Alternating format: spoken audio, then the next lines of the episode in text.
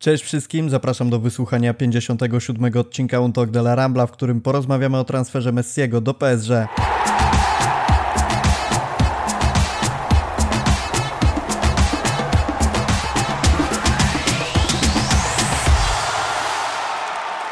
Do ostatniej chwili żyliśmy złudzeniami o wywieraniu presji na Tebasie. Z nadzieją chwytaliśmy się każdej plotki mówiącej, że Messi z Barcelony nie odejdzie, a najdrobniejsza informacja o jego pozostaniu rozpalała w nas wiarę, że doświadczymy w przyszłym sezonie jego geniuszu w bordowo-granatowych barwach.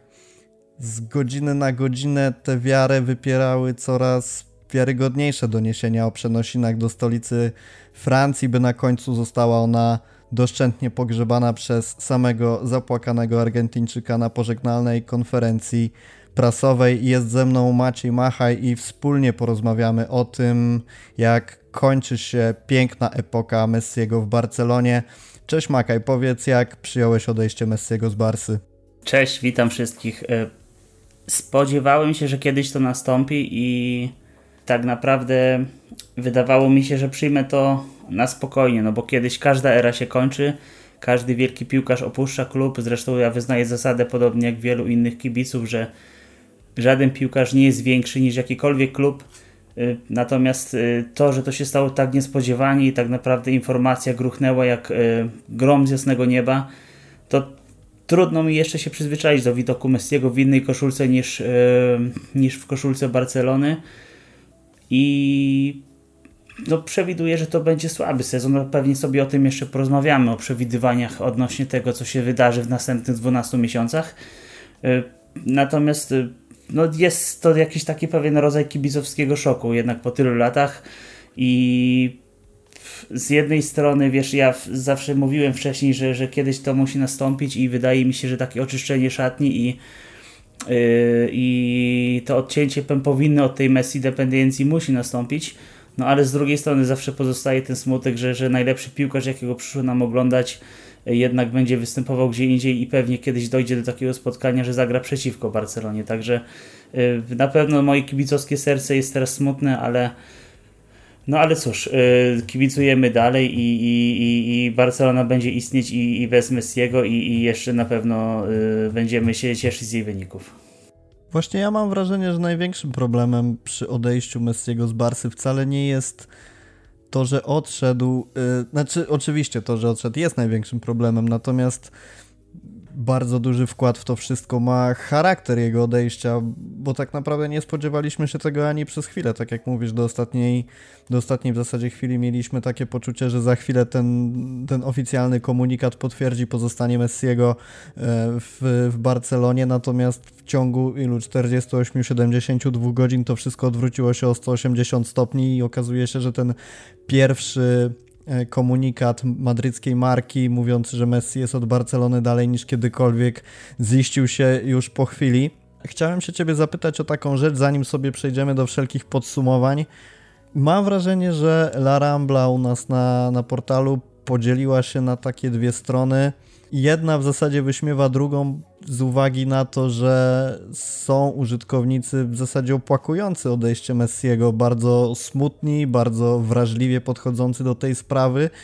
Jak ty to widzisz, czy to nie jest w pewien sposób przesada, że do tego stopnia potrafimy rozczulać się nad tak naprawdę piłkarzem, człowiekiem, który można powiedzieć tylko kopie piłkę? No tutaj y, też właśnie dzisiaj w pracy miałem y, dosyć taką ciekawą rozmowę z kibicem, który, y, który akurat sympatyzuje z Realem Madryt i oboje stwierdziliśmy to, co powiedziałem wcześniej, że żaden klub nie jest, żaden piłkarz nie jest większy niż klub.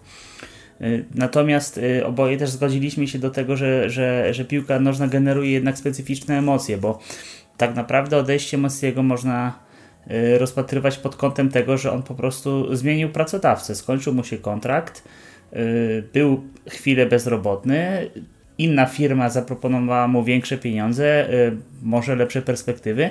Messi powiedział, dobrze, idę tam. To oczywiście nie, nie wchodzimy teraz w te dywagacje odnośnie tego, czy Messi mógł zostać w Barcelonie, czy nie mógł, czy liga by na to pozwoliła, przepisy i tak dalej po prostu takie, wiesz, y, rozważanie czysto, czysto, czysto y, z punktu widzenia po prostu y, pracownika i pracodawcy. Messi poszedł po prostu do innej roboty, do innej firmy.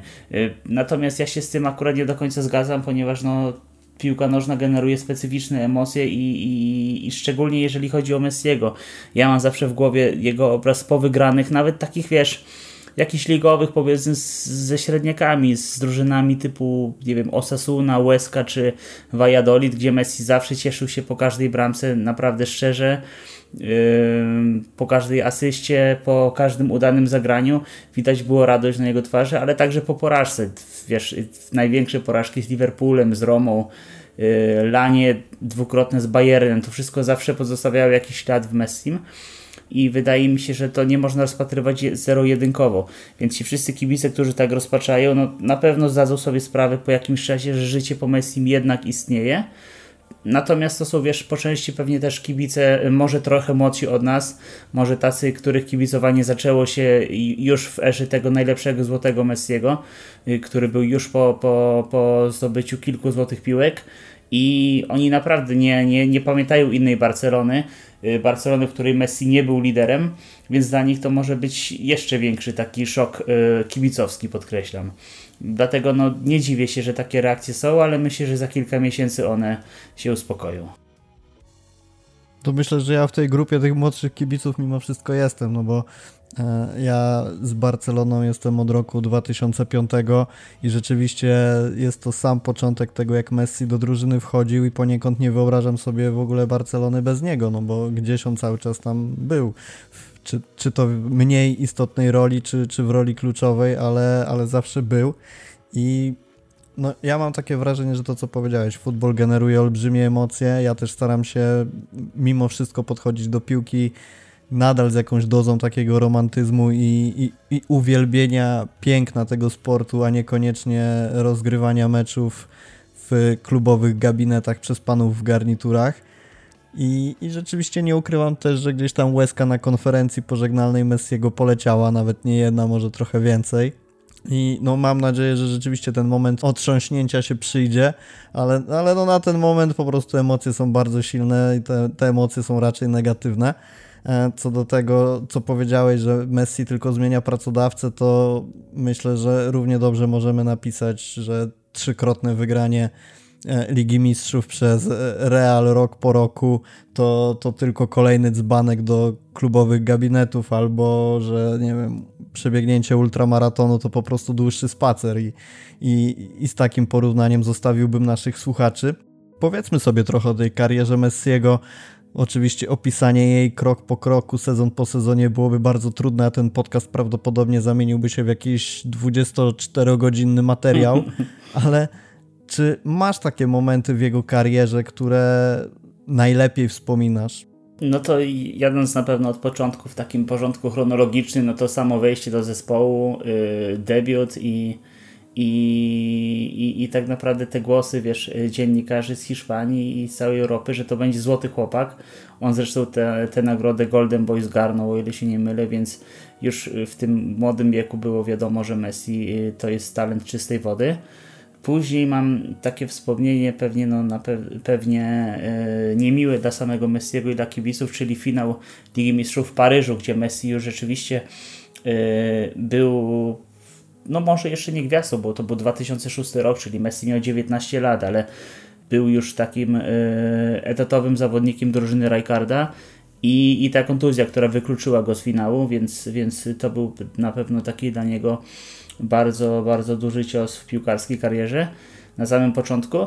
Natomiast później, e, natomiast później no już, już drużyna Guardioli, drużyna sześciu pucharów, w którym Messi odgrywał pierwsze skrzypce i był niekwestionowanym liderem. I na pewno to, co zapamiętam, to jeden z najlepszych ataków w historii piłki nożnej, czyli Ronaldinho Eto Messi. Bo Ronaldinho to był, to był, to też już rozmawialiśmy niejednokrotnie, zresztą wiem, że jesteś wielkim, wielkim orędownikiem jego talentu. Yy, dla mnie obecność Ronaldinho i Messiego na boisku to była czysta magia. Do tego Eto, egzekutor, napastnik, taka typowa dziewiątka dla mnie, jeden z ulubionych napastników w ogóle, których kiedykolwiek oglądałem. To był moim zdaniem jeden z najlepszych ataków w historii piłki nożnej. I niestety, i niestety muszę stwierdzić, chociaż to dopiero na papierze, bo jeszcze ani jednego meczu z sobą nie rozegrali, że ten atak e, Mbappé, jeżeli zostanie, Neymar i Messi, e, może te, może te, te, te wielką trójkę z Barcelony e, naśladować pod względem liczby strzelonych goli i piękna gry. No ale zobaczymy, to, to jeszcze może, może, może się wstrzymajmy z takimi opiniami. Później taki krok milowy według mnie to był 2011 rok kiedy Messi strzelił 5 bramek w meczu chyba z Bayerem Leverkusen. Tak, to był mecz Leverkusen, gdzie Messi strzelił 5 bramek i później tam dwóch piłkarzy się pobiło jego koszulkę po takim występie. Y, to, to było coś nieprawdopodobnego. Za chwilę był ten rok, gdzie Messi zdobył 91 bramek w roku kalendarzowym, gdzie, gdzie wydaje się to liczbą kosmiczną i zupełnie nie do pobicia. No i później lata oczekiwania na, na kolejną Ligę Mistrzów, czyli 2009-11 to była, to była ta, ta, ta, ta wielka Barcelona i później 2015 rok, czyli pod wodzą Enrique y, wielki triumf w finale z Juventusem. Od 2015 roku oczywiście Messi dalej był decydujący dla Barcelony. Y, dalej strzelał wiele bramek, y, dużo więcej również asystował, czyli trochę jego pozycja na, na, na boisku się zmieniała. Natomiast no, te, te, te lata charakteryzuje brak sukcesów yy, na arenie międzynarodowej i na pewno ta frustracja gdzieś tam narastała, narastała, narastała i, i skończyło się jak się skończyło. Natomiast no, no te wszystkie jego cudowne bramki, te, ten gol w finale Ligi Mistrzów, gdzie spadł mu but po strzale głową i tak dalej, no to wszystko na pewno zapamiętamy na, na, na wiele, wiele lat. Już, już nie mówię o tej pięknej bramce z finale z Atletikiem Bilbao, o tej bramce wspaniałej z Hetafy, w której, w której Messi dopiero wchodził do, do dorosłej piłki, w której zachwycił cały piłkarski świat. No tak jak powiedziałeś, byłoby tego bardzo, bardzo dużo, żeby wymieniać i, i, i ten podcast by się zamienił w taką właśnie skliwą wspominkę. Yy, no ale to były takie kluczowe momenty, które gdzieś sobie zanotowałem przed tym podcastem, żeby, żeby, żeby o nich wspomnieć. Ja mam olbrzymi problem, żeby wybrać takie momenty, bo rzeczywiście próbowałem. Próbowałem sobie wynotować, czy to po latach, czy to pod kątem e, istotności dla, dla Barcelony, dla tego, jak Messi wpływał na poszczególne etapy w klubie. Ale powiem ci, że tak na przestrzeni tych 17 sezonów, jakie rozegrał w Barcelonie, po prostu trudno jest to wybrać, bo możemy przytaczać gole w finale Ligi Mistrzów jednym czy drugim, czy jakieś decydujące bramki, które wyprowadzały Barcelonę na prowadzenie czy to, czy to w lidze, czy to w lidze mistrzów. E, możemy wyróżniać, podejść z innej strony, wyróżniać piękne bramki, które tak pod kątem sukcesów, trofeów nie miały znaczenia, bo, bo po prostu dawały kolejne trzy punkty, jakich w ciągu tych sezonów Barcelona nastukała naprawdę wiele. Ja tak koniec końców dochodzę do wniosku, że po prostu to, co najbardziej mi się podobało w Messim przez te wszystkie lata, to jest taka regularność i to, że tydzień po tygodniu siadaliśmy przed telewizorem, ci bardziej szczęśliwi na trybunach Camp Nou i czekaliśmy na coś niesamowitego. I czy to się wydarza, wydarzyło w meczu przeciwko Manchesterowi United, czy to się wydarzyło przeciwko jakiejś małej drużynie z Hiszpanii, to zawsze to była po prostu przyjemność oglądać i, i podziwiać te cudowne zagrania. To, co powiedziałeś o, o Ronaldinho, to z tym też wiąże się ciekawa historia, bo rzeczywiście jestem, byłem i będę olbrzymim fanem Brazylijczyka i też przez to początki Messiego w Barcelonie wspominam raczej negatywnie, bo trochę był taką drzazgą w moim kibicowskim życiu, bo gdzieś miałem takie poczucie, że w momencie jak Ronaldinho odszedł, to Messi zajmuje jego miejsce i taki delikatny żal, że, że gdzieś to jest jego zastępca E, rzeczywiście był, no ale to, to się szybko odmieniło i, i od jakiejś tam niechęci przeszło w wielkie uwielbienie. Jeżeli chodzi o takie momenty, które ja pamiętam z jego debiutu, to niekoniecznie, bo tak jak mówię, zacząłem kibicować trochę później, ale takich pierwszych momentów w Barcelonie to pamiętam e, mecz jednej ósmej finału Ligi Mistrzów z Chelsea, i to jak Asier Delorno próbował wykluczyć go z gry takimi brutalnymi faulami to wówczas był fenomen, że taki obrońca fauluje w zasadzie dzieciaka. No a, a po latach okazało się, że dużo lepsi obrońcy na każdym stadionie, w każdym kraju próbowali powielać jego zagrania, zatrzymywać Messiego i, i z podobnym skutkiem im się to udawało. Jeżeli chodzi o takie ataki, to ja nigdy nie zapomnę meczu, yy, no ale to też było kopę lat temu, 10 czy 11 lat temu, gdzie Barcelona grała z Atletico i tam był taki obrońca Tomas Ujfalusi. Dokładnie. To co, to, co on próbował wtedy zrobić z Messim, to był naprawdę kryminał. Del Orno oczywiście też, ale nigdy nie zapomnę tego, w jak brutalny sposób ten, ten Uifalusi po, po, po, próbował powstrzymać Messiego i też robił wszystko i też naprawdę miał wejścia no, no, kryminalne. No ale też mu się to nie udało, więc jak, w jakikolwiek sposób byśmy na to nie spojrzeli, czy ktoś próbował y, y, grać y, kryciem indywidualnym, czy, czy, czy Messi miał plaster, czy nie miał plastra, czy, czy był podwojony, czy potrojony, zawsze albo prawie zawsze sobie radził. To, było, to była jego niesamowita umiejętność. Jest zresztą dalej, tylko że no niestety już nie będzie pokazywana w Barcelonie. Niestety, ale żeby nie było ckliwie, tak jak mówisz, to jednak musimy wyciągnąć jakieś negatywne aspekty Messiego w Barcelonie. Czy jest coś takiego, co tobie szczególnie rzuciło się w oczy podczas tego pobytu, czy raczej uznajemy, że Messi jest idealny i nic nie możemy mu zarzucić? Nie no, idealnych ludzi nie ma. No, mówi się też, że nie ma niezastąpionych, natomiast tutaj yy, poczekajmy z taką opinią może do końca tego sezonu. Natomiast jeżeli chodzi o negatywy, no to pewnie nie będę jakiś oryginalny, jeżeli powiem, że że gdzieś charakter Messiego i taka, nie wiem, czy skromność, czy, czy, czy może wręcz taki, taki charakter gdzieś tam, yy, który, który nakazywał mu może nie wychylać się przez szereg, oficjalnie przynajmniej, sprawił, że, że, że on czasami brakowało mu tego genu przywódczego, tego to mimo to, że nosił kapitańską opaskę, on potrafił oczywiście rozmawiać z arbitrami i, i, i, i, bardzo często był pierwszy przy tych dyskusjach. Natomiast brakowało Messiemu tego, żeby, żeby tę drużynę y, poprowadzić do boju w trudnych momentach. W momentach, kiedy drużynie nie idzie, Messi zawsze był pokazywany jako pierwszy ze spuszczoną głową, y, wzrok wbity w murawę i, i, i tego może mu trochę zabrakło. Natomiast no, nie można mieć wszystkiego i, wydaje mi się, że ma to związek z tym właśnie z jakim Messi jest człowiekiem. Jest, jest takim cichym, spokojnym, wręcz, wręcz niektórzy twierdzą, że, że być może, no oczywiście nie chcemy tutaj nie chcemy tutaj wysuwać takich tez, że później ktoś mówił, że ludzie z FC Barca mówią jakieś głupoty, ale, ale być może Messi zachowuje się trochę właśnie jakby, jakby był zupełnie wycofany i, i, i, i nie potrafił nie potrafił pokazać swojego takiego charakteru y, na boisku. Y, no tyle, no nic więcej nie potrafię powiedzieć. Jeżeli będą y, przeci przeciwnicy, może nie przeciwnicy, ale jeżeli będą osoby, które stwierdzą, że, że Messi w najważniejszych momentach zawodził, no to ja wtedy wyliczę, no to dobrze, ale powiedz mi, w, wymi możemy wymienić też dziesiątki meczów takich ważnych o stawkę, gdzie Messi odgrywał pierwszoplanową rolę, więc jeżeli on zawiódł w kilku spotkaniach y, w meczach z Romą, w meczach z Liverpoolem, to nie był tylko Messi. No pamiętajmy, że na boisku było 11 piłkarzy. Y, Messi nie spisał się dobrze, ale inni też nie, więc, y, więc ja bym akurat tego argumentu tutaj nie podnosił.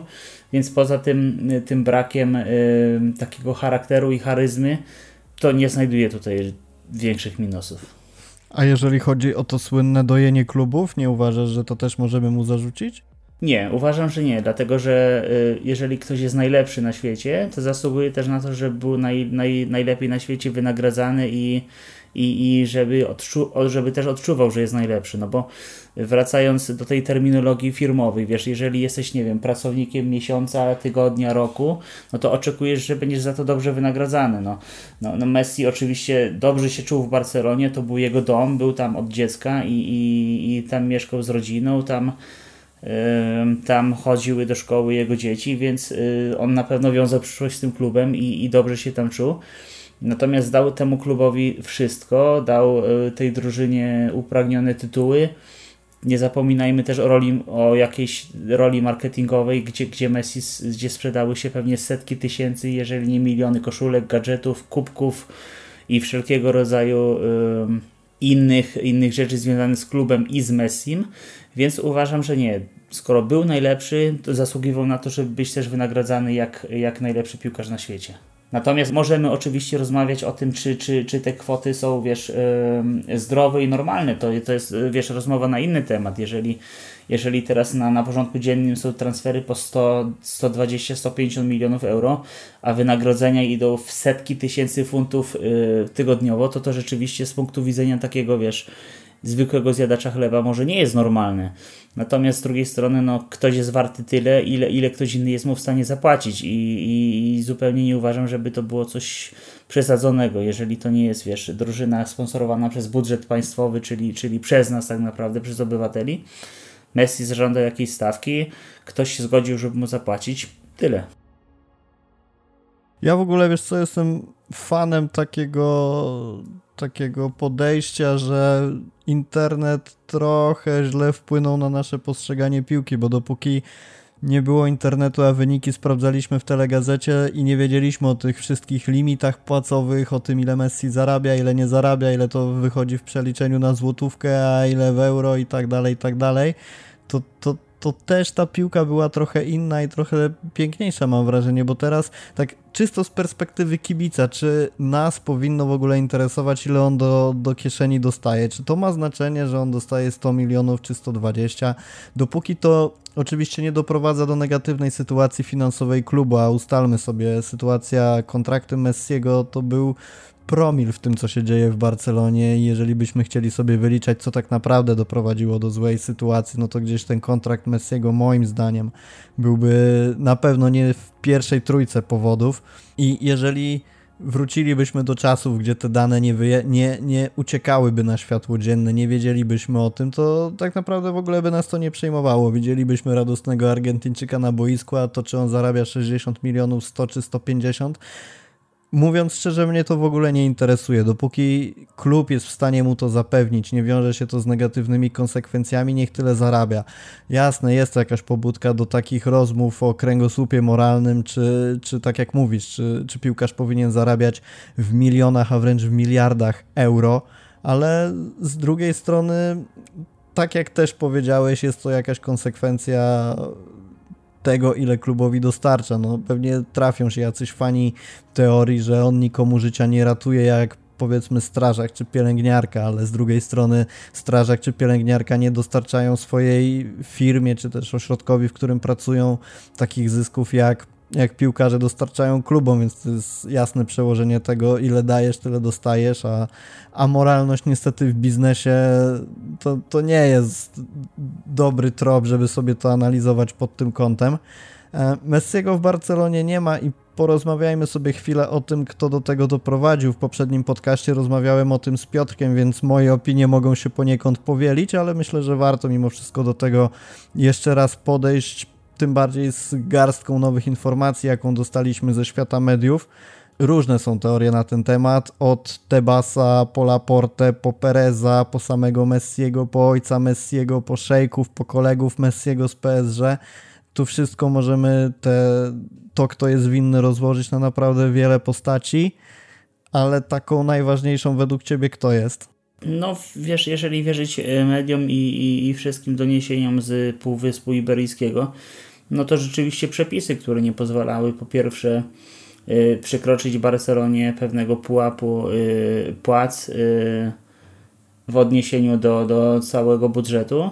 No i po drugie tego, że nawet jeżeli Messi zgodziłby się na obniżkę, bo dla mnie, wiesz, najbardziej, najbardziej takie nonsensowne w tym wszystkim było, było takie nawoływanie kibiców. A jeżeli on kocha tak swój klub, no to niech gra za jedno euro. No ale to jest to, co przed chwilą powiedziałeś, wiesz, moralność w biznesie to, to nie jest zbyt dobry doradca. I, i to nieważne, że Messi ma 100, 500 albo 900 milionów euro na koncie, on ciągle pracuje, on ciągle y, gra w piłkę po to, żeby się nie ucieszyć, ale też po to, żeby zarabiać pieniądze, więc, więc nawet jeżeli on, on powiedziałby, dobrze, zagram za to jedno euro rocznie, to jeżeli przepisy na to nie pozwalały, to niestety ani tych przepisów nie zmieni Messi, ani Laporta, ani, ani, ani cała Barcelona razem wzięta, więc rzeczywiście tutaj na przeszkodzie stanęły przepisy. Y, ja tylko jestem, y, jestem zdumiony jeszcze tym faktem, który, który dzisiaj gdzieś mi się przewinął, czyli takim, że w zamian za to, że Messi wypełnił cały kontrakt, czyli, czyli był graczem Barcelony do 30 czerwca tego roku, klub jest zobowiązany do wypłacenia mu jeszcze jakiejś horrendalnej kwoty, to było około 39 milionów euro. Więc y, jeżeli pytasz, kto jest winny y, tej całej sytuacji, to myślę, że musimy się, się cofnąć o kilka lat i zobaczyć, w jaki sposób ten klub był zarządzany i w jaki sposób y, gospodarowano pieniędzmi y, od kilku lat. Czyli, czyli, czyli oczywiście mam na myśli tutaj Bartomeu i całą jego świtę, bo to oni doprowadzili ten klub tak naprawdę do, do, do, do przepaści finansowej i do tego, że staną naprawdę na krawędzi. I, i myślę, że tutaj należy się upatrywać y, przyczyn, bo gdyby to było inaczej rozgrywane, zarządzane, to, to nie mielibyśmy teraz w ogóle takich dylematów. Messi byłby zarejestrowany i przedłużyłby ten kontrakt już dawno.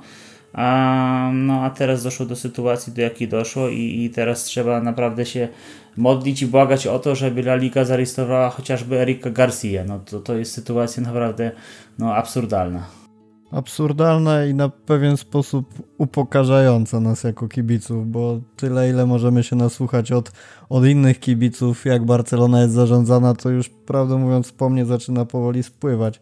E tak, rzeczywiście Bartomeu, no oczywiście. Ja wśród tych nazwisk e, nie wymieniłem go ze względu na to, że e, zależało mi na tym okresie, żeby, żebyśmy porozmawiali o tym okresie już stricte, kiedy Bartomeu nie było, czyli powiedzmy ostatnie kilka miesięcy, ale no, no trudno się nie zgodzić. Bartomeu doprowadził klub do ruiny i wskazywanie kogokolwiek jako e, większego winnego jest po prostu bezcelowe, bo, bo, bo najbardziej winny w tym wszystkim jest Bartomeu i jego zarząd co do wysokości pensji, to jeszcze dosłownie krótko, bo czytając komentarze mam wrażenie, że ludzie często zapominają o takim istotnym fakcie, mianowicie wydatki piłkarzy też są znacznie większe niż zwykłych ludzi. To znaczy, nie chcę tutaj wchodzić w kieszeń Messiego, jakie on ma inwestycje i tak dalej, i tak dalej, ale e, jeżeli zarabia 100 milionów, to nie znaczy, że wydaje 2000 miesięcznie, tylko też wydaje dużo, dużo więcej i to wszystko jest zupełnie inną skalą. Być może jest tak, że ustawił sobie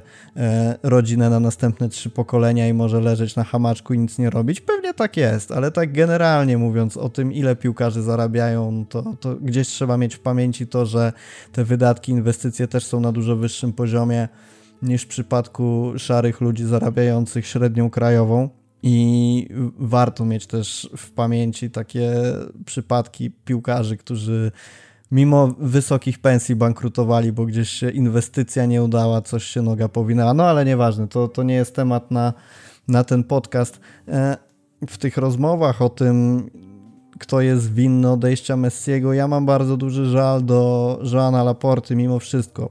Oczywiście rozumiem, że przejął klub w bardzo trudnej sytuacji i, i tak naprawdę posprzątanie tego syfu, jaki zostawił Bartomeu jest bardzo trudne, tym bardziej tak jak sam Laporta powiedział, audyt wskazał y, straty z poprzedniego sezonu rzędu prawie pół miliarda euro, kiedy prognozowali, że to będzie 200 milionów euro.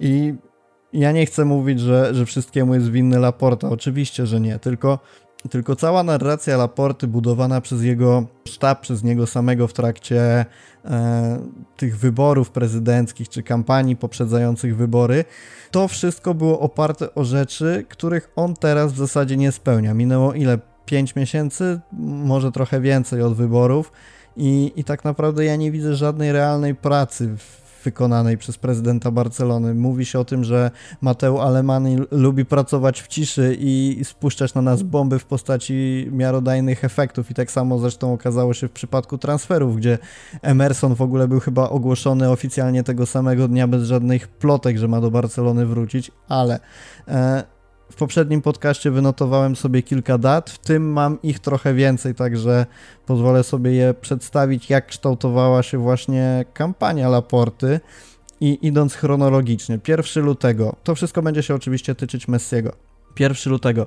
Powiedziałem mu, żeby nie przejmował się tak tymi informacjami, że wszyscy Kules chcą, żeby został, zrobię wszystko, żeby tak było. To oczywiste, że trzeba dołożyć wszelkich starań finansowych, sportowych i emocjonalnych, żeby Messi został w Barcelonie. Mam wątpliwości, czy dokonał wszelkich finansowych, sportowych, a zwłaszcza emocjonalnych e, starań, żeby Messi w Barcelonie został 25 lutego. Ważne jest to, żeby czuł się kochany i pomógł nam stworzyć drużynę na następne 10 czy 15 lat. 26 lutego. Jednym z moich głównych celów jest sprawienie, że piłkarze, którzy tyle nam dali w poprzednich latach, zakończyli karierę na szczycie i uwaga, odeszli z należnymi honorami nie mogą odejść po ostatnich wynikach. To pokolenie zasługuje na pożegnanie. Zawodnicy muszą pomóc mi w budowie zespołu i szukaniu sponsorów w celu poprawienia sytuacji finansowej. 28 lutego Barcelona jest w delikatnej sytuacji finansowej, ale mamy wielkie aktywa. Nie zwracajcie uwagi na paniczne sygnały. Wiemy jak zmienić tę sytuację ze względu na nasze doświadczenie. To wielka wartość. Kiedy przybędę do klubu, zobaczę co będzie. W Barcelonie nie ma sezonów przejściowych. Pierwsze co musimy zrobić, to zmierzyć się z tematem pozostałych pozostania Messiego. 2 marca Messi daje nam 30% przychodów i kosztuje nas 8%. A najlepsze jest to, co daje nam pod względem sportowym i emocjonalnym. Jeśli nie wygram, jestem dość pewny, że Messi odejdzie. 8 marca to już jest po wygranej kampanii wyborczej. Zachęcam, zachęcimy go, by został, bo wszyscy tego chcemy. 9 marca priorytetem jest zapewnienie sobie dalszej gry Messiego na Camp Nou, a Laporta obiecywał w trakcie kampanii, że złoży mu propozycję na miarę e, obecnych możliwości klubu. To jest już artykuł, to nie jest cytat tego, co mówił Laporte oczywiście. Co ciekawe, e, w tym samym artykule pojawia się informacja wskazana jako druga, jako druga pod względem istotności, że e, priorytetem jest przedłużenie do roku 2022 e, kontraktu Elisha Moriby. Także paradoks. 13 marca. E, planem Laporty na poprawienie kondycji sportowej Barcelony jest stworzenie konkurencyjnego projektu, a w planach jest Erling Haaland, Messi ma być w centrum projektu. Dochodzimy do tego, o czym chciałem przede wszystkim powiedzieć, czyli że Laporta całą swoją kampanię wyborczą oparł o sentymenty, o mówienie, że Messi pozostanie, ale do tego powiedział też, to, był, to jest dokładnie z 28 stycznia, że Celem Laporty, żeby przywrócić Barcelonie świetność, są takie rzeczy jak zmniejszenie pensji i większa rola piłkarzy ze, ze szkółki, emisja obligacji dla fanów i inwestorów w celu utrzymania uzyskania natychmiastowej płynności, uruchomienie Barsa Experience na pięciu kontynentach, Barsa Digital Hub, które miałoby zwiększyć potencjał Barsa Innovation Hub i Barsa Studios i postawienie na esport i utworzenie MACI. I teraz tak, z tych wszystkich rzeczy, które Laporta wskazał jako możliwość poprawienia kondycji finansowej, ja nie słyszałem, żeby zadziało się cokolwiek poza obniżką pensji Piqué i Messiego, który, który odszedł. Ja nie mówię, że Laporta musiał się rzucić na tworzenie sekcji esportowej w sytuacji, kiedy klub jest y, w totalnej czarnej dziurze, że tak powiem eufemistycznie, ale gdzieś te jego działania przewijały się w kontekście poprawy klubu. Koniec końców okazuje się, że według niego jedyną opcją na pozostanie Messiego w Barcelonie jest przyjęcie umowy od inwestora CVC, a tak naprawdę żadne z tych obietnic, które, które gdzieś się przejawiały w trakcie jego kampanii, nie zostały nawet napoczęte. Nic nie wyszło na światło dzienne. To wszystko powoduje, że ja mam wątpliwości, czy Laporta rzeczywiście zrobił wszystko, żeby Messi pozostał, bo całokształt tego, co dzieje się mniej więcej od pół roku w związku z Laportą, sprawia wrażenie, że on po prostu przyszedł do Barcelony i stwierdził, że zobaczymy, zobaczymy co będzie. Jest bardzo źle, więc nie dał rady utrzymać Messiego i jeżeli nawet przyjmiemy ten scenariusz, że, że rzeczywiście tak jest, że, że nic się nie dało zrobić, to ja jestem pełen obaw o to, co będzie dalej, żeby nie okazało się za chwilę, że trzeba sprzedać Fatiego, że trzeba sprzedać Pedriego, bo obietnic o pozostaniu Messiego nasłuchaliśmy się multum, a skończyło się jak, skończy, jak się skończyło. To nie jest dobry start prezydenta Barcelony, jeżeli główny punkt jego kampanii wyborczej gdzieś już jest niespełniony i tak naprawdę e, to, na czym się opierał, czyli przywrócenie radości na Camp Nou, na razie tej radości nie ma. Jest smutek największy pewnie od 15, 20 czy może nawet więcej lat. Nie masz takiego wrażenia, że Laporta mimo wszystko bardzo zawiódł nas w tym wszystkim i nie do końca można e, przypisać mu takie, taką, przypiąć mu taką łatkę, że rzeczywiście zrobił wszystko dla Barcelony i wszystko, żeby Messi został? Ja trochę mam do niego pretensje o to, że on starał się złapać y, trochę za dużo srok za ogon. To znaczy, y, tak jak wspomniałeś, on zajmował się tak naprawdę wszystkim, czyli sekcją esportową. Y, on zajmował się Moribą, on zajmował się tym, żeby wypuścić obligacje.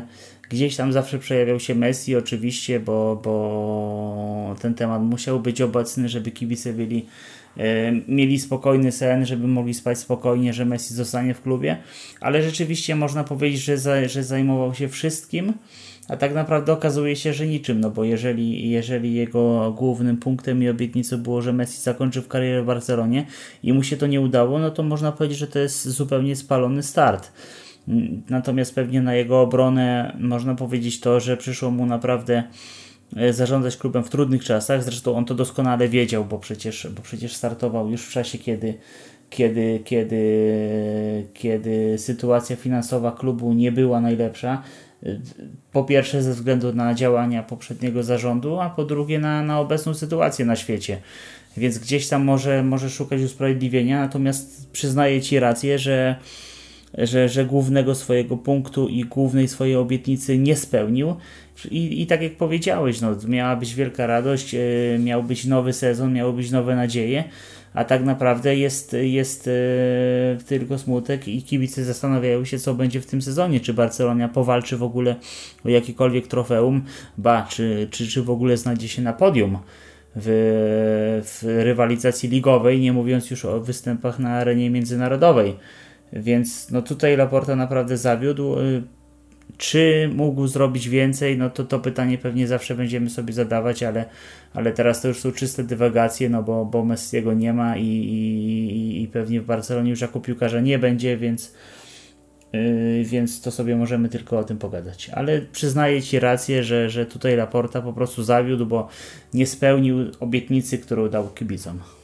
Być może też błędem było aż takie obiecywanie, że on tego Messiego może zatrzymać. To, to oczywiście rzutowałoby całkowicie na to, na kogo by głosowali e, wyborcy. Natomiast może lepszym z perspektywy czasu zachowaniem Laporty w trakcie kampanii nie byłoby po prostu takie jednoznaczne stawianie na to, że on Messiego zatrzyma w momencie, kiedy nie zna sytuacji finansowej, no ale to już pozostaje w sferze, tak jak powiedziałeś, dywagacji.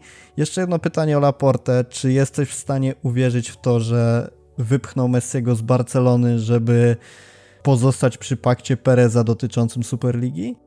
Nie, wydaje mi się, że pomysł Superligi yy, umarł gdzieś śmiercią naturalną i nie umiem sobie wyobrazić, żeby teraz, yy, szczególnie w tej sytuacji, w której jest Barcelona, gdzie gdzie, gdzie ten sezon zweryfikuje naprawdę ich plany i być może to będzie tylko sezon przejściowy, gdzie, gdzie Barcelona naprawdę y, będzie gdzieś tam biedowała i, i, i, i, mimo, wiesz, mimo tego, że mimo to, że naprawdę skład Barcelony jest bardzo dobry i, i, i pewnie większość drużyn na świecie chciałoby mieć takich piłkarzy jak, jak Pedri, y, jak Memphis Depay, jak e, Frankie de Jong czy Ter Stegen, to, to, to, to wiesz, e, morale drużyny i gdzieś tam to, że wszyscy idą naprzód, a Barcelona jednak się bardzo mocno osłabiła, może wskazywać na to, że ona nie jest już takim atrakcyjnym produktem e, i marketingowo, i sportowo, jak była chociażby rok temu. Oczywiście zawsze to będzie Barcelona, zawsze to będzie klub z wielką tradycją, historią i i wielkimi aspiracjami, ale nie umiem odpowiedzieć na pytanie, czy to jest dalej ten sam yy, tak świetnie sprzedający się produkt, że kluby, które postanowią zorganizować Superligę, zaproszą Barcelona i ona tam będzie, wiesz, głównym, yy, głównym prowodyrem tego całego zamieszania. Więc odpowiadając na Twoje pytanie, myślę, że, że, że nie mógł to być powód dla Laporty, żeby wykopać Messiego z klubu. A ja ciągle zastanawiam się nad tym, czy, ten, y, czy ta umowa z CVC nie była takim, takim punktem zwrotnym pod tym względem, że Laporta musiał wybierać? Albo deklaruje się nagranie w La Lidze pod pełnym rygorem, jaki narzuci Tebas, albo zyskuje jakąś swobodę i, i może dalej kooperować z Perezem, ale jednak wiąże się to z nieustępliwością Tebasa i musi oddać Messiego, bo po prostu Tebas nie ugnie się na żadne limity finansowe i zakończyło się to jak się e, zakończyło. Oczywiście pozostaje to w sferze domysłu, bo prawdy pewnie nigdy się nie dowiemy, a jeżeli się dowiemy, to, to nie całej, tylko jakichś kolejnych szczątkowych informacji, które będą pobudzały naszą wyobraźnię, ale, ale tak jak mówię, może czasem lepiej po prostu puścić to w niepamięć. I, i, I tak jak mówiłem, że może lepiej nie interesować się pensjami zawodników, to może tutaj też spuścić na to kurtynę milczenia.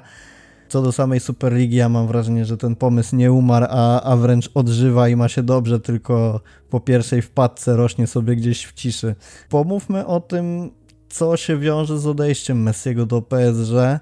Co Barcelona najbardziej traci? Czy to jest ten aspekt sportowy, 50 goli w sezonie, 20 asyst, niezliczona liczba dryblingów, czy bardziej ucierpi sfera ekonomiczna, finansów, marketingu? Na pewno obie, bo nie da się ich rozdzielić. Y, pod względem sportowym, tak jak powiedziałeś, tutaj nie ma nic do dodania, po prostu Messi traci, y, Barcelona traci swojego najlepszego zawodnika, który dawał tej drużynie najwięcej w ofensywie i jeżeli się mówi, tak jak powiedziałem wcześniej, że nie ma ludzi niezastąpionych, to, to ten sezon tak naprawdę zweryfikuje, bo trudno oczekiwać, że Depay, którego ja osobiście bardzo cenię i uważam, że jest świetnym piłkarzem i na pewno się dobrze wpasuje do drużyny, nie sądzę, że on, wiesz, z marszu da Barcelonie tyle, co dawał Messi. Nikt temu klubowi tyle nie da, więc rzeczywiście ten podział obowiązków trzeba będzie rozdzielić na kilku zawodników. Y, więc sportowo Barcelona na, na pewno traci.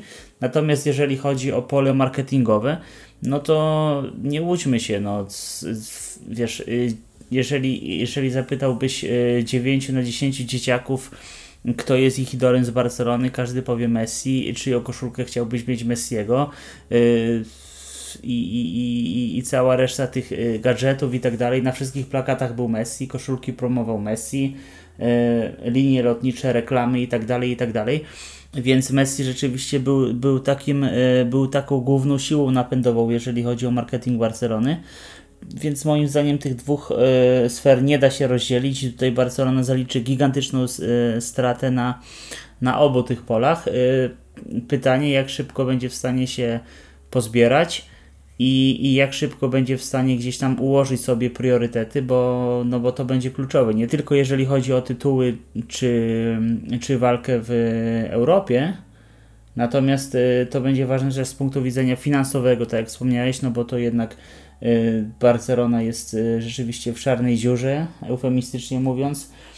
To też wcześniej wspomniałeś i, I tutaj jest walka tak naprawdę o każde euro, więc, y, więc y, naprawdę, jeżeli, jeżeli zarządowi uda się w jakiś sposób ten kryzys marketingowy zażegnać i sprawi, że Barcelona znajdzie jakiś sposób, żeby dalej zarabiać pieniądze nawet na tym polu marketingowym bez Messiego, to będzie duży sukces. Wartość marketingowa według wyliczeń ma spaść o dokładnie 11%, na co składają się umowy sponsoringowe, generalnie obszar przychodów komercyjnych, merchandising i, i przychody z dnia meczowego. E, spadek, ten, ten spadek przekładając to na wartość liczbową ma wynieść 137 milionów euro. I jeżeli, jeżeli mogę Ci jeszcze wyjść słowo właśnie odnośnie tej wartości marketingowej. Ja dzisiaj rozmawiałem z moim przyjacielem, który, który też jest kibicem Barcelony i on mówi tak, yy, słuchaj stary, trudno mi się będzie teraz oglądało mecze, bo yy, pamiętasz, jak, jak zawsze umawialiśmy się, oglądaliśmy te, te, te, te potyczki Barcelony przy piwie, to tylko patrzyliśmy na Messiego i mówimy, wow, Messi strzelił, król strzelił, Messi oddał komuś karnego, a szkoda trochę, że go oddał, miałby kolejną bramkę, albo szkoda, że ten typ nie strzelił mięsy, miałby kolejną asystę. I gdzieś tam, wiesz, jego percepcja yy, ograniczała się do tego, czy ile bramek strzelił Messi, czy Messi asystował, czy był y, głównym aktorem zawodów. I, I, wydaje mi się, że nie był jedyny, że wielu kibiców postrzegało Barcelonę jako Messiego, a Messiego jako Barcelonę. I, I coś w tym jest, że rzeczywiście wraz z odejściem Messiego kończy się też to, że wielu kibiców powie no Barcelona, no fajnie, no ale dla kogo ja mam tę Barcelonę oglądać? Wiesz, my jako kibice, jako, jako też współtwórcy tego serwisu na pewno będziemy oglądać, nie, nie tylko z dziennikarskiego obowiązku, ale także z miłości do tej drużyny. Natomiast mam wrażenie, że wielu kibiców po prostu powie, no nie ma króla, yy, i, i, i trzeba będzie się przerzucić na coś innego i obawiam się, że tak właśnie będzie. Będziemy oglądać, oczywiście, że tak, ale ja nawet po sobie widziałem w y, tym sezonie minionym takie momenty, kiedy Barcelona grała totalny piach, a y, ja gdzieś trwałem przy telewizorze i, i oglądałem, to tak po cichu, nie przyznając się nawet samemu przed sobą, że, że jeszcze nie wyłączyłem tego, bo czekam aż Messi coś zrobi. Jeżeli mówimy to my, jako, jako no zagorzali kibice Barsy, to nie trudno sobie wyobrazić, że ludzie o mniejszym przywiązaniu do bordowo-granatowych barw po prostu od tego klubu odejdą i, i w ogóle to jest, to jest pewniak i też potwierdzają te liczby, o których, o których zacząłem mówić, że 77 e, milionów euro ma zmniejszyć się wartość marki Barcelony e, w obszarze przychodów komercyjnych. Jeżeli sobie spojrzymy na to, że według danych bodajże marki sprzed kilku, e, sprzed kilku sezonów wartość umów sponsoringowych yy, na kwotę X to jest 50% w tym wszystkim stanowi nazwisko Messiego, to znaczy wartości umów sponsoringowych są o 50% podbijane przez to, że zawrze się w nich klauzule dotyczące czy występów Messiego w spotach, czy w meczach i tak dalej, i tak dalej. E, zresztą no, spójrzmy sobie na to, jak wyglądają social media. Sama Barcelona ma 100 milionów obserwujących na Instagramie, Messi ma ich 247, jak w tym momencie, jak nagrywamy ten e, podcast, to się pewnie będzie dynamicznie zmieniać wraz z kolejnymi kolejnymi dniami Messiego w PSG.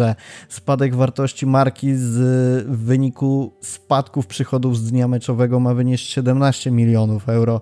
I to już ma miejsce, bo pierwsze głosy e, wskazują, że na najbliższy mecz Barcelony z Realem Sociedad San Sebastian ma być dostępne 30 tysięcy miejsc, natomiast wyprzedało się dopiero 50%. To są oczywiście miejsca dla posiadaczy karnetów, ale już to w jakiś sposób pokazuje to, co się dzieje. Jasne, można to podciągnąć pod to, że trwają wakacje, że większość posiadaczy karnetów to mieszkańcy Barcelony czy Hiszpanii, którzy wakacji w Hiszpanii i Barcelonie nie spędzają, tylko sobie gdzieś wyjeżdżają. Jasne, że tak, ale to, to wcale nie jest takie oczywiste, że w kolejnych meczach ten, ten stadion się zapełni nawet do tego ograniczonego limitu 1 trzeciej miejsc.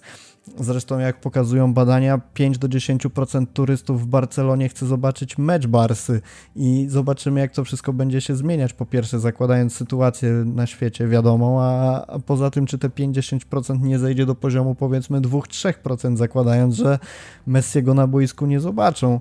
43% milionów e, wartości marki ma zmniejszyć się w wyniku zmian w obszarze merchandisingu.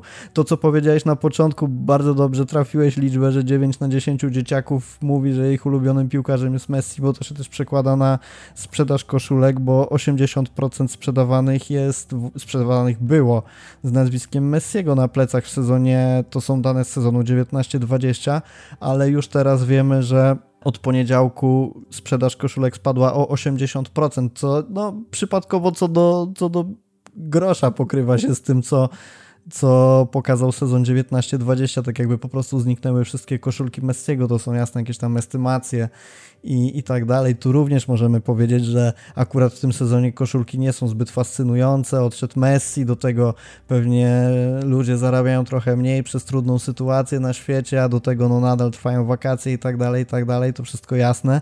Tylko z drugiej strony teraz o tym mówię, a, a jednocześnie w Paryżu trwa taki boom na koszulki Messiego, że kolejki do sklepów klubowych ciągną się po prostu przez kilkadziesiąt metrów, wychodzą na ulicę, zawijają dwa razy, a, a w sklepach internetowych wyprzedają sprzedały się po 20 minutach, co jest w ogóle jakimś rekordem na skalę tego klubu. No nie jest on, powiedzmy sobie szczerze, z bogatą historią i, i, i tak dalej, ale ale jakiś to efekt od razu pokazuje. Jeżeli sobie weźmiemy pod uwagę, że ze sprzedaży koszulek rocznie do budżetu Barcelony trafiało około 20-30 milionów euro, no to może w skali klubu dobrze zarządzającego nie jest to jakaś wielka kwota, ale w skali Barcelony, która liczy każdy grosik i podnosi z chodnika, co się da, żeby tylko rejestrować zawodników, to są astronomiczne kwoty. Tutaj słowem wyjaśnienia, bo być może wielu, wielu z, nas, z naszych słuchaczy jeszcze wierzy w ten mit, że piłkarze się yy, spłacają ze sprzedaży koszulek ze swoim nazwiskiem. Nie jest tak, bo około 85% kwoty koszulki e, idzie do producenta, czyli w tym przypadku, jeżeli chodzi o Barcelonę, Nike zgarnia około tych 85%. I kończąc te wyliczenia liczbowe, wartość marki Realu po odejściu Cristiano spadła o 19%. Jeżeli przytoczymy jeszcze raz słowa Laporty mówiące, że przychód generowany przez Messiego to jest 30% całych przychodów, to ja sobie nie wyobrażam tego, jak można finansowo budować teraz Barcelonę w oparciu o inne nazwisko, bo tego się nie da po prostu zastąpić. I krótkofalowo, patrząc na następny miesiąc, dwa, oczywiście, jeżeli prawdą jest, że zarejestrowanie Messiego nie było możliwe, to, to Barcelona po pierwsze nie ma wyjścia, po drugie oszczędza w jakiś sposób budżet, ale patrząc na to długofalowo, to Laporta wcale sobie nie zabrał problemu. Laporta sobie dołożył kolejny problem, bo tych przychodów będzie trzeba szukać gdzie indziej i miał gotowe rozwiązanie, gotowe rozwiązanie podane na tacy w postaci Argentyńczyka, a teraz będzie dalej kombinować. Już pojawiają się takie informacje, że Barcelona ma być przekształcona w spółkę akcyjną, że nazwa stadionu ma zostać sprzedana i będziemy mieli jakiś Amazon Camp Nou. To oczywiście jest pierwsza lepsza plotka, no ale takie głosy się pojawiają. Co do tego, jak wygląda możliwość zastąpienia Messiego pod względem sportowym myślę, że możemy temat, temat ująć bardzo krótko, że się nie da. Natomiast pomówmy sobie chwilę o tym, bo zbliżamy się już powoli do końca. E, czego możemy oczekiwać po Barcelonie bez Messiego, czego możemy oczekiwać po składzie i czy doczekamy się wreszcie tego odblokowania wielkich zawodników, którzy rzekomo przez lata byli blokowani przez Messiego właśnie. No to jest właśnie jedyne moje oczekiwanie po tym sezonie, bo y, zakładam, że każdy tytuł, choć byłby to tak y, deprecjonowany w ostatnich latach Puchar Króla, y, będzie dla Barcelony sukcesem. Dlatego wydaje mi się, że, że jedynym takim celem, który, który ja osobiście stawiam przed Barceloną na ten sezon, to jest właśnie to, co powiedziałeś, czyli odblokowanie wielkich zawodników typu Griezmann, typu być może Coutinho, I jeżeli rzeczywiście oni rozwiną skrzydła i pokażą, że potrafią grać inaczej i, i, i że to oni będą mieli yy, nie tyle więcej miejsca na boisku, bo to może czasami nie o to chodzi, ale jeżeli oni będą się czuć lepiej mentalnie, to to na pewno będzie dla klubu już jakiś sukces i, i jeżeli nie w tym sezonie, to w następnym może zaowocuje, więc ja jestem zdania, że, że nie należy nakładać tutaj na drużynę jakiejkolwiek presji ani oczekiwań, bo, bo wiadomo, perturbacje związane nie tylko z finansami, ale przede wszystkim z odejściem Messiego są tak duże, że, że, że ten sezon może nie należy sprawdzać na straty od razu, natomiast brak jakiegokolwiek trofeum nie, nie może być postrzegany w kategorii jakiejś wielkiej porażki. Szczerze mówiąc, ja niekoniecznie jestem takim optymistą, jeżeli chodzi o tę kadrę, bo jakoś trudno jest mi się przekonać, że to będzie ten sezon Dembele, Coutinho wystrzeli, Griezmann odnajdzie się jakoś cudownie w Barcelonie po tych latach, chociaż szczerze mówiąc, jeżeli miałbym kogoś upatrywać w roli takiego przywódcy Barcelony, takiego lidera sportowego, nie mówię tutaj o kapitanowaniu, ale ale jeżeli chodzi o formę sportową, to chyba właśnie wskazałbym Griezmana i no Depay sam, sam przez siebie swoją grą pokazuje, że jest gotowy, żeby przejąć pałeczkę jako tego najlepszego w drużynie. Tylko dla mnie to jest taka teraz zbieranina piłkarzy, którzy, z których część powinna w ogóle odejść, część powinna pełnić rolę rezerwowych, a tego sedna tych rzeczywiście wartościowych piłkarzy, na których można będzie liczyć, jest stosunkowo mało, patrząc po tym, co się działo w poprzednim sezonie. Ja będę mocno trzymał kciuki, że ta drużyna odpali, ale no nie mam takiego przekonania. Też patrząc na konferencję prasową Messiego, kiedy żegnał się z Barceloną, po tej konferencji w zasadzie podeszli do niego piłkarze, zbijali piąteczki, stanęli do takiego wspólnego zdjęcia na tle trofeów i patrzyłem po tych twarzach piłkarzy, którzy mają być w kolejnym sezonie naszymi podstawowymi zawodnikami, miałem takie wrażenie, że kogoś tam brakuje, że brakuje e, jak, jakby po prostu część drużyny jeszcze nie wróciła z wakacji, część tego pierwszego składu i potem do mnie dotarło, że, że ta część nie wróci z wakacji, bo jej nie ma, że to jest po prostu nasz skład, którym będziemy e, operować w tym sezonie i oczywiście tam brakowało części zawodników, nie było Pedriego, nie było Erika Garcia, nie było Oskara Mingesy, to, to wszystko jasne, ale reszta, która była po prostu nie, nie przekonała mnie do tego, że Barcelona będzie w tym sezonie wielka. Duża rola będzie w tym, co powiedziałeś w kwestii oczekiwań, bo dzisiaj e, na tych piłkarzach tak naprawdę mam wrażenie presja jest bardzo niewielka. Mówimy o przejęciu roli przez Griezmana, przez Depaya, ale oni mogą, ale mam wrażenie, że nie muszą. Jeżeli będą grać słabo jako drużyna, jeżeli Barcelona będzie grać słabo jako drużyna, zawsze będzie można powiedzieć, że Messi odszedł i drużyna się buduje. Jeżeli Griezmann czy Depay wystrzelą, to będzie to tylko na plus. Nie ma na nich tak naprawdę żadnej presji, jeżeli chodzi o zdobywanie tytułów w tym sezonie, bo nikt nie może oczekiwać, że po największego piłkarza w historii piłki nożnej nagle Barcelona zdobędzie trzy trofea, będzie dominować w lidze hiszpańskiej, raczej to wszystko będzie owiane taką atmosferą właśnie tego długo wyczekiwanego sezonu przejściowego, który ja mam wrażenie dopiero teraz nadszedł i po części z tych piłkarzy będzie zdjęta taka presja, jeżeli chodzi o walkę o tytuły. Oni będą oczywiście dawać z siebie wszystko i tak dalej, będą prezentować się jak najlepiej mogą, ale z Messim w składzie to wyglądało tak, że każdy musiał dawać z siebie 100%, bo, bo te emocje, te oczekiwania były przez kibiców podbijane również tym, że to jest ostatni sezon Messiego.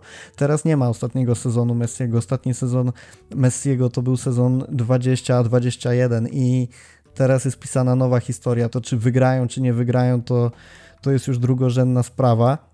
W takim razie jeszcze dwie rzeczy kończąc temat y, Barcelony bez Messiego. Czy liga traci? Uważasz, że znajdzie się ktoś, kto będzie twarzą ligi hiszpańskiej? Czy kim w ogóle Tebas chce promować swoje rozgrywki w tym momencie? Nie wiem. Sam, sam chciałbym to wiedzieć, bo y, po odejściu Ronaldo gdzieś już tam y, znikł, wiesz, ten, ten smak rywalizacji tych dwóch wielkich albo i największych piłkarzy, na pewno największych naszych czasów, a czy największych historii, to, to, to, to, to nigdy tego nie rozstrzygniemy. Natomiast dwóch największych piłkarzy XXI wieku yy, mieliśmy to szczęście, że mogliśmy oglądać ich na, na, na stadionach Hiszpanii i, i mogli rywalizować na, na wielu płaszczyznach ligowych, pucharowych, europejskich również. Więc po odejściu Ronaldo ta, ta wartość ligi na pewno spadła, a po odejściu Messiego, no to ja się obawiam, żeby ta dominacja Anglików, która była już pokazana nawet w poprzednim sezonie w, Euro w Europie, żeby ona nie była jeszcze większa, bo, bo, bo jeżeli spadnie wartość ligi, to jest to, o czym Ty wspomniałeś, y, spadnie wartość kontraktów reklamowych, y, spadnie wartość marketingowa i niestety nie umiem Ci odpowiedzieć na to pytanie, kim Tebas będzie reklamował ligę, no bo ma rzeczywiście paru piłkarzy, ale oni ani do Messiego, ani do Ronaldo nie mają startu. Suarez, Griezmann, Benzema, Oblak to moim zdaniem będą twarze, ale sprzedawanie... Oczywiście, oczywiście, to są, to są gwiazdy i, i, i to są wielcy piłkarze, natomiast wiesz, marketingowo każdemu z nich jest bardzo daleko do Messiego, więc mm, no, no, na, na pewno będą promowani, na pewno będą pokazywani, na pewno będą twarzami ambasadorami religii na świecie, ale to już nie będzie to. Oni nie mają takiej siły przebicia, żeby zachęcać ludzi do, do włączania Ligi Hiszpańskiej, mam wrażenie. Nie ujmuje żadnemu z nich. Suarez, Benzema, Griezmann, Oblak, czy też podchodząc do, do kwestii trochę inaczej, na przykład pokazując e, takie Fuse Kubo, Pedriego, Erika Garcia może, czy, czy Kunde, jeżeli nie odejdzie do Chelsea też jakoś można by tę ligę promować. Natomiast to wszystko sprowadza się do tego, że po latach, kiedy liga była promowana właśnie Ronaldo, Messi, Ramosem, te nazwiska po prostu przyciągały. To, to było coś, co przykuwało wzrok nawet najbardziej sceptycznych widzów co do ligi hiszpańskiej, a teraz jasne, no, no Griezmann jest dobrym piłkarzem, ale, ale on nie wypromuje ligi i też ciekawe, że ci piłkarze, o których mówimy, to są raczej raczej po tej drugiej stronie kariery mam wrażenie, więc jestem bardzo ciekawy, co będzie na przykład za 2-3 lata, no ale to, to mam nadzieję, że jest czas, kiedy rozkwitnie już pełni talent Fatiego, Pedriego i tak dalej. Ostatnie pytanie w tym podcaście, czy będziesz oglądać PSG z Messim w składzie, a może wybierzesz się na stadion do Paryża, żeby zobaczyć go na żywo w innej koszulce niż Barcelony? Nie wybiorę się na stadion, natomiast czy będę oglądał myślę, że tak, ale za jakiś czas, bo, y, bo, bo na razie te wszystkie sytuacje, zdjęcia, obrazy z Paryża nie są mi znane, dlatego że trochę zastosowałem u siebie taki mechanizm wyparcia. Y, to znaczy, kompletnie się odciąłem od tego, co się dzieje. Widziałem oczywiście gdzieś już zdjęcie Messiego w koszulce, natomiast nie chciałem oglądać prezentacji, nie chciałem oglądać jakiejś konferencji, tego jak żongluje piłeczką i tak dalej Na razie to do mnie jako do kibica nie dociera. Wiem, że, że Messiego nie ma w Barcelonie, ale na pewno jak przyjdzie, jak przyjdzie mecz, y, jak przyjdzie już wiesz, sezon wystartuje w pełni, Messi też dojdzie do siebie, bo jest teraz po długich wakacjach, to na pewno na pewno włączę i będę śledził po wyczyny tej drużyny, która na papierze jest niesamowita i, i będę chciał obejrzeć kawałek tej magii. Aczkolwiek, no poczekajmy, wiesz, to, to nie, nie, takie drużyny w historii były wielkie i galaktyczne i, i nie takie drużyny się wysypywały, więc yy, śledzić pewnie będę, ale na razie, na razie, na razie powolutko. Niestety ja nie potrafiłem się odciąć od Twittera i wszelkich informacji przez ostatnie kilka dni po prostu odświeżałem wiadomości jak szalony. Co, co, co, cokolwiek wpadało, to, to wiedziałem o tym praktycznie od razu. No, straciłem trochę czasu na dużo beznadziejnych plotek, ale, ale no jakoś nie mogłem się powstrzymać, szczerze mówiąc. Ja PSG z bólem serca, ale będę oglądać, bo nie chcę tracić ostatnich lat Messiego chcę po prostu oglądać to, jak gra i nie chcę też popełnić błędu, który popełniłem przy odejściu Ronaldinho, że nie obserwowałem jego gry w Milanie, chociaż oczywiście byli na zupełnie innym etapie swojej kariery. Nasz kochany moderator Mateusz prosił mnie o to, abym na podcaście oficjalnie podziękował Messiemu za grę w Barcelonie od całej redakcji, więc Messi, jeżeli dotrwałeś do tego momentu, jeżeli słuchasz, to dziękujemy w imieniu FC Barsa.com za wszystkie lata spędzone w dumie Katalonii. Za wszystkie zakłady, które uratowałeś nam, dziękujemy.